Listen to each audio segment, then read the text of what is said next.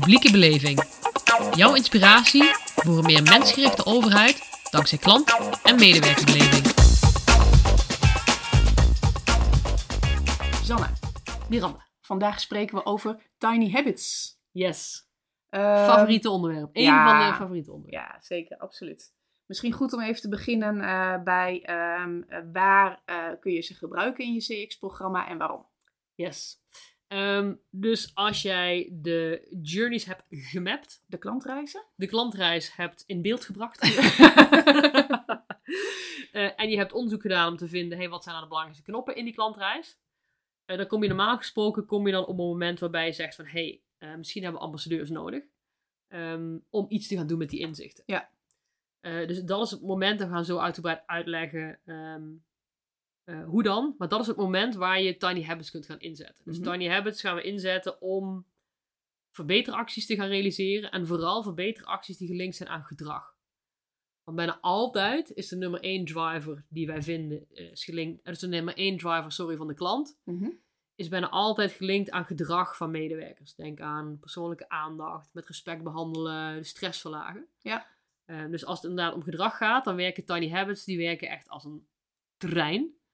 Eh, dus ook link, dus dat is waar. hè, dus wanneer in je Six-programma. Eh, en waarom? Omdat hier het ook heel vaak verzandt in. We gaan allemaal brainstorms doen, allemaal sessies doen en bedenken hoe het beter kan. Ehm, en heel veel medewerkers vinden het heel lastig om het heel A concreet te maken. Ja.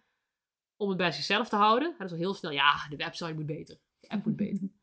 Ehm, dus die tiny habits die maken eigenlijk het, het best wel eh, vaak groot en mislepende verbeterprogramma. Heel concreet, heel tastbaar. Geïntegreerd in mijn dagelijks werk als medewerker. Ja. Gekoppeld aan mijn routines. Ehm, dus ja, dat werkt gewoon eh, heel erg goed om dit heel tastbaar te maken. En de keren dat we het hebben gedaan, eh, hebben we ook iedere keer gezien dat gewoon een hele korte tijd zie je gewoon de tevredenheid op die klantreis stijgen. Ja. Eh, omdat je gewoon precies weer aan de goede knoppen zit te draaien. Top. Hey, waar komt dit hele tiny habits verhaal vandaan? Ja, de story. ik wou bijna weer zeggen de juf vertelt, maar. Ehm, het was. eh, zomer 2020, volgens mij. Dat is nog niet heel lang Nee, dat is niet heel lang geleden.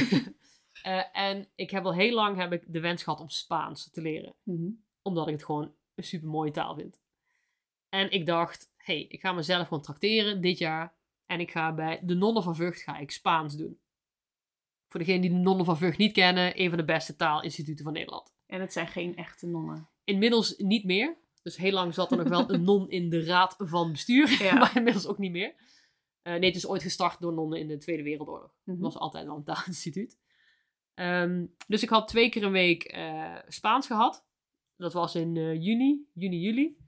En in november zou ik een workshop doen met Randstad Ar- Argentinië. Ik denk, ja, het zou natuurlijk super cool zijn als ik even vijf minuten flitsend Spaanse introductie daar weggeef. Dus ik had tijdens die twee weken had ik die introductie had ik gewoon uitgeschreven. Eh, dus ik ging weg naar die twee weken. Ik denk, nou, ik ga gewoon iedere avond ga ik een half uurtje ga ik Spaans oefenen. En dan heb ik een flitsende introductie in november. Dus dit was de zomer. Nou, week 1, iedere avond braaf het gedaan. Week 2, drie van de zeven avonden wat gedaan. En week 3 helemaal niks gedaan. Nee. Nou, ehm, ik weet niet eens meer hoe het op mijn pad kwam, maar ergens kwam ik dus het boek Tiny Habits tegen. Ik denk, hey, ik ben namelijk altijd wel van eh, geïnspireerd om te lezen, maar vooral ook kritisch werkt het ook echt. Ja. Dus ik heb toen Tiny Habits gelezen en ik dacht, nou, dat ga ik even toepassen op mijn Spaans leermodus.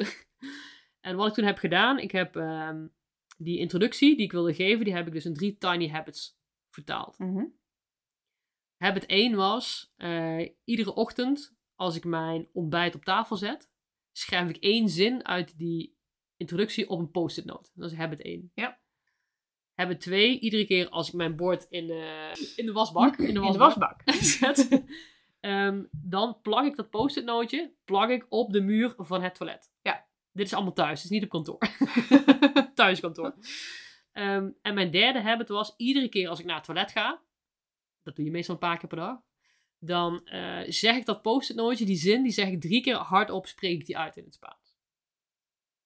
Eh, met die drie habits, die dus nul extra tijd aan mijn dag kosten, hè, het zijn allemaal Ik Ja? mis nog het vier momentje. Oh ja, het vier momentje. Ja, dat is inderdaad ook de theorie. Ehm, oh ja, maar ging jij niet vieren ook op de wc? eh, nou, ik ging ik vieren op de wc. Wat ik meestal deed, is ik deed een, een box. Een box tegen de muur. Of ik zei muy bien, Zanna. Precies. Of ik zei estoy orgullosa. ik ben trots op mezelf. Dus ik heb een bescheiden viering gedaan. Ja, heel goed, heel goed. Ehm, En eh, wat wel grappig is, het heet dus niet voor niks Tiny Habits. Het is, het is echt ini, ini, ini, ini, mini wat je daar doet. Ja, klopt. Ja, we hebben ook een mooi voorbeeld van, ehm, van het team eh, UK British Cycling Team. Dat, je hebt namelijk twee boeken. Dat is misschien ook handig om me toe te lichten. Meer mensen kennen waarschijnlijk Atomic Habits Mhm. dan Tiny Habits. Eh, en veel mensen vinden Atomic Habits ook lekkerder lezen. Dat is van James Clear. Mhm. Eh, maar in dat boek haalt hij ook de Tiny Habits aan van BJ Fogg. Dus kijk wat je zelf prettig vindt. Maar daar heeft hij ook een hele mooie case die wij altijd gebruiken bij introducties van het Tiny Habits programma. Over het British UK Cycling Team. Eh, en misschien afhankelijk van de tijd kunnen we die nog als cliffhanger aan het einde doen. en als de podcast te lang wordt, dan, eh, dan blijft het even een cliffhanger. Heel goed. dus inderdaad, heel klein maken. Dus mensen denken dan vaak van ja, maar met zo'n kleine habit ga ik het verschil niet maken. Ja, dus noemt in het voorbeeld ook als je de marathon wil gaan lopen. Hè, ga dan niet eerst eh, iedere dag denken, ik ga iedere dag een uurtje hardlopen. Maar begin met jouw hardloopschoenen bij de voordeur zetten. Ik denk dat ik daar wel heel goed in zou zijn. Puur het aan de voordeur zetten. Ja. En dan stop jij. Ja. En het idee is dat dat eerst een routine moet zijn. En dat je Mhm. dan die routine gaat uitbouwen. Ja. Dus dan ga je eh, 10 minuten misschien wandelen om je. Hè? Dus eh, je kunt wel tiny habits gaan uitbouwen. Maar pas als jouw nieuwe routine een routine is. Ja. Eh, maar even terug naar mijn Spaanse voorbeeld. Dus ik heb dat, die eh, habits gedaan. Ehm, daardoor kon ik niet alleen eh, vloeiend die eh, vijf minuten introductie doen. Maar ik geloof een half, dus zeg voorjaar eh 2021 heb ik ook gewoon even twee uur lang inspiratiesessie van vier behavioral science boeken in het Spaans weggegeven. Ja. Nou vond ik dat nog redelijk makkelijk, want dat kon ik allemaal oefenen. Hè? Dus als ik vragen kreeg, dan eh, knikte ik braaf, maar dat begreep ik niet. Eh, en dit jaar heb ik dan echt, maar dat was echt, ik heb nog nooit zo hard gewerkt als dit jaar. Eh, waarbij ik echt inderdaad twee dagen lang gewoon workshops heb gedaan met de het senior management en management van de Randstad Argentinië. Helemaal in het Spaans, inclusief interactie. Ja, echt knap. Ja, dus toen was ik wel een beetje dood daarna, maar ook wel stiekem eh orgullosa op mezelf. dus dat is eh, zeg maar de- de toepassing en hoe ik bij Tiny Habits ben gekomen. Wat is, wat is eigenlijk de theorie? Ja, eigenlijk wat hij ontdekte, en hij bedoel ik dan even BJ Fogg. Ja. Dus hij is eh, professor aan Stanford University. Ehm, en hij is eigenlijk gaan onderzoeken, wat maakt nou dat het zo lastig is om gedrag te veranderen. En hij heeft ontdekt dat er eigenlijk niet, maar, niet één eh, element is, maar drie. Mhm. Want heel vaak denken wij, ja, het gaat om motivatie. Hè? Ja, Sanna, je bent er ge- gemotiveerd. Waarom ga je niet Spaans iedere avond een half uurtje zitten Ja. doen? Eh, waarom ga je niet meer sporten? Waarom ga je niet gezonder eten? Eh, nou, het goede nieuws is dat naast motivatie zijn er nog twee andere elementen. Gemak en zeg maar eh, de triggers, routines die je inricht. Ja. Dus ja, als jouw motivatie hoger is, is de kans van slagen uiteraard groter dan als jouw motivatie heel laag is. Mhm. Eh, maar het tweede, gemak. Het, eh, dus eigenlijk hoe makkelijk maak je jezelf om die nieuwe habit te doen. Ja. Dat kun je dus ontwerpen. Dat is ook een hele belangrijke pijler. En het voorbeeld wat ik hier vaak gebruik is: stel, ik wil doneren aan het Rode Kruis. En het Rode Kruis dat stuurt mij een mailtje met een eh, PDF en de bijlage. Die moet ik eh, printen, invullen en ik moet naar het postkantoor lopen en dat via de post terugsturen. Niet heel makkelijk. Nee. Dus ook al ben ik behoorlijk gemotiveerd, mwah, kans is groot dat ik het misschien niet ga doen. Terwijl als ik misschien wat minder gemotiveerd ben, maar ik krijg een eh, sms'je op mijn telefoon. En door te reply op dat sms'je doneer ik 2 euro. Ja, super makkelijk. Dus de kans is veel groter dat ik dat wel ga doen. Ja. En als jij gezonder wil eten, eh, stop dan misschien niet te veel eh, frozen pizza, bevroren pizza's in, jouw, in je koelkast. Dan maak je het jezelf niet makkelijk mee. Nee. Ik wil meer lezen. Oké, sta er iedere ochtend op en leg het boek wat je wil lezen op jouw hoofdkussen. Want als je dan weer terugkomt in bed, oh ja, ik wil ermee lezen. Ja. dus je kunt je omgeving zodanig ontwerpen dat het jezelf makkelijk maakt om of verkeerde habits af te leren of nieuwe habits in je routine te krijgen. Mooi. Dus dat is het tweede, dat is gemak. En dan hebben we dus nog de triggers, de routine. Eh, ja, de triggers inderdaad. Dus je hebt eh, zeg maar drie ideeën. Je kunt denken, ik onthoud wel om gezond te eten. Overschatting van ons eigen brein is meestal niet een hele succesvolle strategie gebleken. Eh, dan kun je natuurlijk op je telefoon een reminder zetten. hey, ik, ik moet meer water drinken. Dus drie keer per dag bliep bliep water drinken. Ja. Maar we krijgen zoveel bliep blieps de hele dag door. Social media, e-mail. dat dat ook steeds minder goed werkt. Mhm. Dus wat is de kern van zijn onderzoek? Wat ontdekte hij? Dat de beste manier om nieuw gedrag ehm, te creëren is om te koppelen aan een bestaande routine. Ja. Stel dat jij iedere avond zonder überhaupt erover na te denken al jouw tanden poetst. eh, en je wil fitter worden. Dan zou je kunnen zeggen, nadat ik mijn tanden poets, doe ik drie push-ups bijvoorbeeld. En dus je koppelt jouw nieuwe tiny habit, hè, dus ik ga niet 100 push-ups doen, hè, ik ga 1, 2 of 3 push-ups doen, eh, aan jouw bestaande routine tanden poetsen. Ja. En dat kun je natuurlijk heel erg vertalen naar eh, jezelf, hè, welke routines heb ik op een dag. Maar dat kun je ook perfect vertalen. Oké, ik zit op kantoor. Hoeveel eh, Zoom, Teams, WebEx, Google Meet start ik iedere dag? Ja. Eindig ik iedere dag? Iedere keer als ik een Google Meet start, doe ik een squat. Iedere keer als ik een Google Meet eh, start, denk ik even twee seconden, hoe kan ik deze persoon meer persoonlijke aandacht geven? Ja, dus zo kun je het heel erg klein, concreet en geïntegreerd in jouw routines maken. Dat is Ja. eigenlijk de theorie erachter. Mooi. Ehm, nu hebben we de theorie eh, in de praktijk gebracht. Yes. Hoe ziet dat eruit?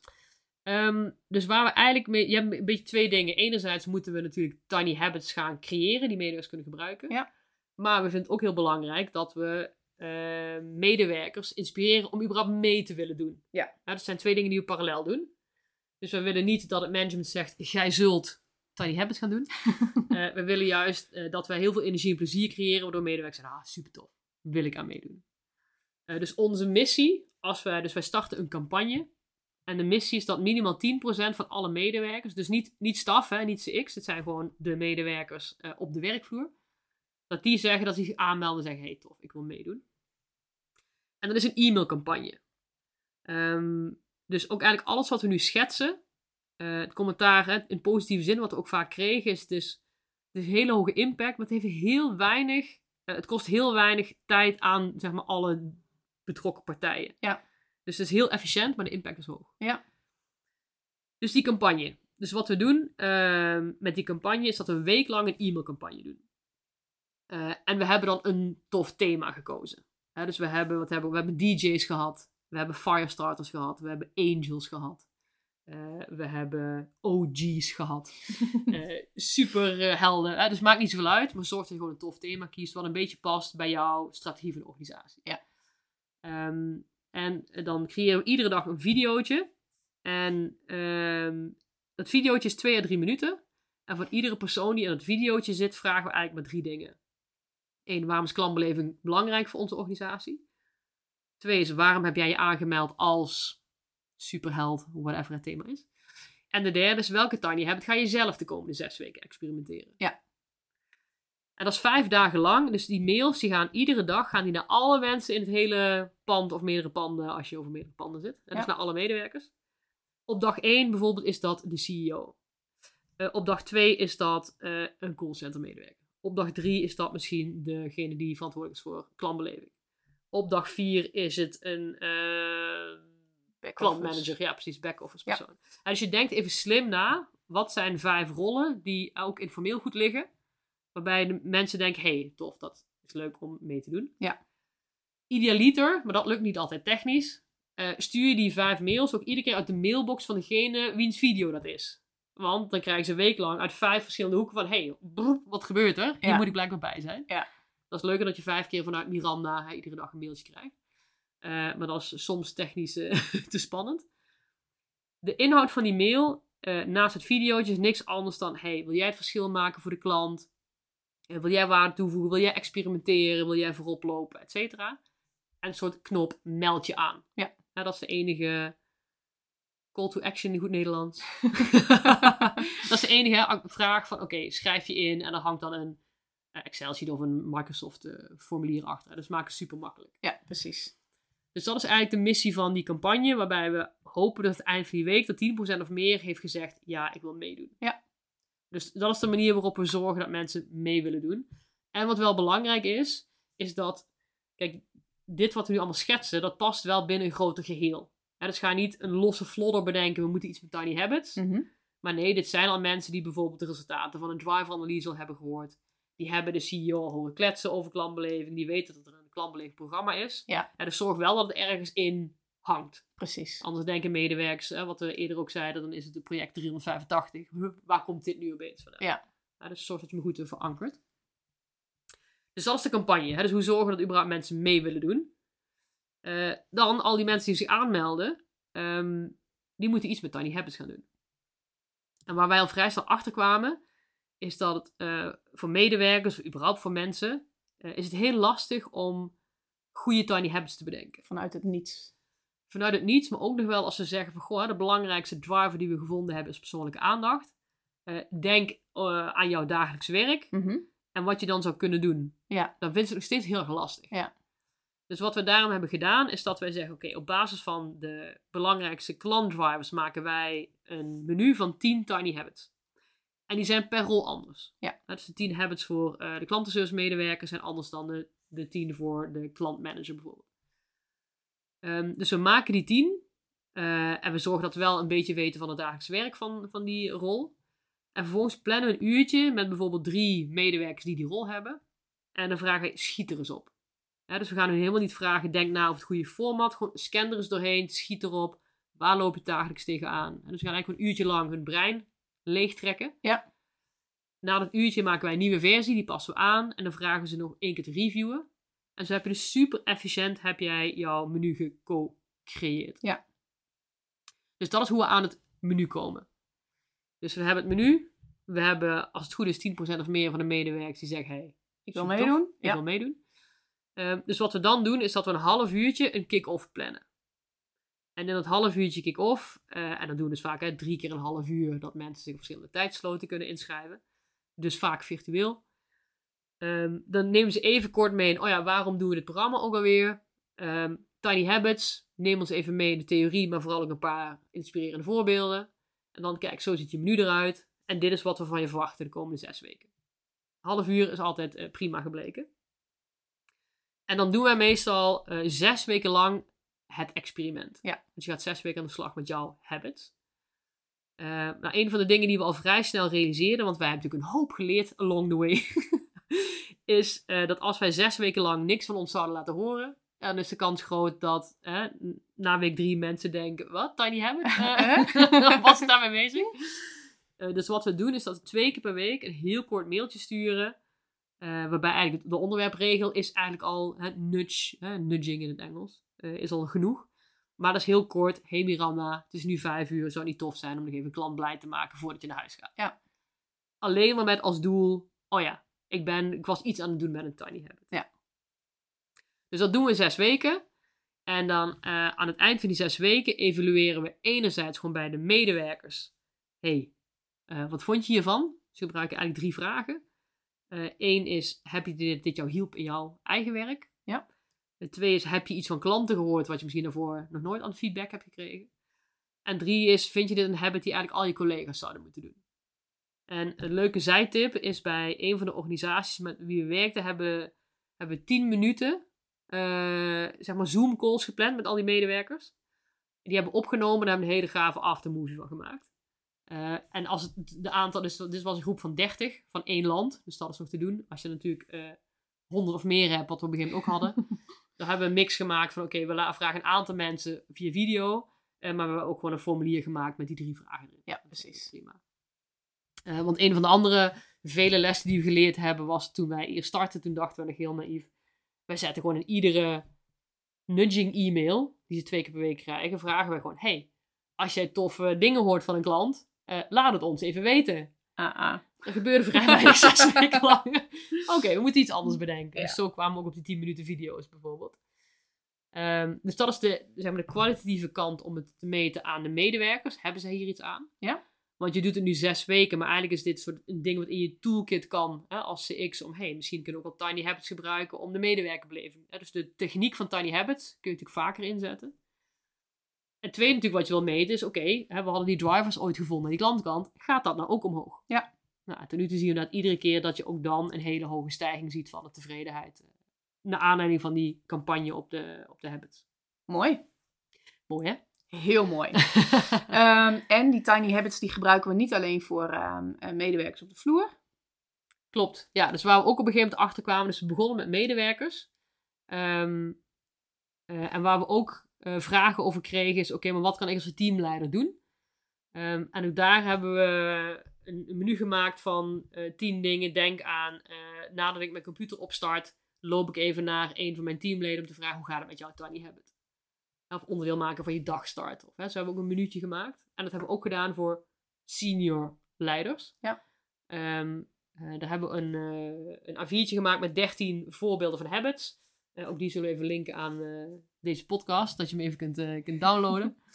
Ehm, en dus we hebben hele, hele concrete voorbeelden, omdat tot nu toe wat, wat onze ervaring is, is dat er is bijna geen enkele leider eh, niet bereid om dit te doen. En om iets met klantbeleving te doen. Alleen ze zoeken heel erg, ja, maar hoe dan, Ja. Sanne? Vertel mij wat ik kan doen. Ja. En dan zijn die tiny habits, die zijn heel erg eh, waardevol om op die manier in te zetten. Heel cool. Zanna, 22 minuten. Wat zeg je, hebben we nog tijd voor de cliffhanger? Ehm, wat mij betreft wel. De luisteraar kan in ieder geval nu kiezen of hij er ook nog tijd voor heeft of niet. Je kunt gewoon op stop drukken, verder gaan met je leven. Of nog even luisteren naar een hele coole cliffhanger. Want eh, tot nu toe, alle medewerkers met wie we dit voorbeeld delen, die worden er ook altijd heel blij van. Dus het is wel een aanrader om even te blijven hangen. Oké, go. Go. Ehm, dus dit voorbeeld komt uit het boek, hè, wat we net zeiden. We hebben B.J. Fogg en eh, James Clear, Atomic Habits. Mhm. Daar, uit de laatste komt dit voorbeeld. En ehm, hij heeft het over, James Clear heeft het over marginal gains. Dus 1% verbeteren steeds. Ehm, we schrijven 2003, als ik het goed heb onthouden. Eh, en dit verhaal gaat over het British eh, Cycling Team. En in 2003 ehm, was het team dermate slecht dat de gemiddelde fabrikant in Europa die de fietsen maakte dacht van nou, wij willen überhaupt niet geassocieerd worden met het team van UK, eh, want dat is slecht voor ons imago. Ja. Eh, zo slecht waren ze. Vijf jaar later, in 2008, hebben ze gouden eh, medaille gewonnen bij de Olympische Spelen. Er is dus iets gebeurd tussentijd. Wat er gebeurd is, is dat zij een manager, dat team een manager kreeg, die volledig overtuigd was van het belang van die marginal gains. Dus van alles 1% structureel verbeteren. Mhm. En met 1%, hè, we hebben het net over tiny gehad. Hè, dus twee tiny voorbeelden. Eén voorbeeld is dat ze naar alle mogelijke massageolie eh, hebben getest, waarbij de spieren het snelste herstellen. Het andere voorbeeld was, ze hebben de binnenkant van die vrachtwagens die de fietsen vervoerden, hebben ze helemaal wit geschilderd.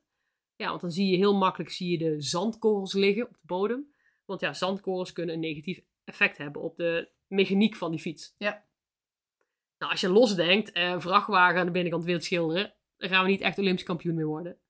Maar als je het allemaal optelt, ja, dus als je op alles continu iedere dag 1% verbetert, ja, dan word je dus vijf jaar later Olympisch kampioen. Vet cool. En er zit ook een, in zijn eh, blog en ook in zijn boek staat er ook een grafiek dat als jij een jaar lang iedere dag het 1% slechter doet, dan eindig je volgens mij op iets van 97%. Mhm. Maar iedere dag 1% beter, dan eindig je iets met 33% verbetering. Ja. Ja, dus eh, medewerkers inderdaad, ook heel vaak eh, is het gewoon heel aansprekend. En sport is sowieso altijd wel een aansprekend voorbeeld, maar Ja. dit maakt het ook heel tastbaar. Ja, Dus mooi. werkt altijd goed. Ja. is goeie om in eh, de kick-off te gooien. Precies, in de kick-off van je Tiny Habits Ja. gebruiken we deze altijd. Ja. Ja, naast mijn Spaanse eigen ho- hobbywerk. Mooi, ik vind het een mooie afsluiter. Top, Dankjewel. graag gedaan. Tot de volgende. Tot de volgende.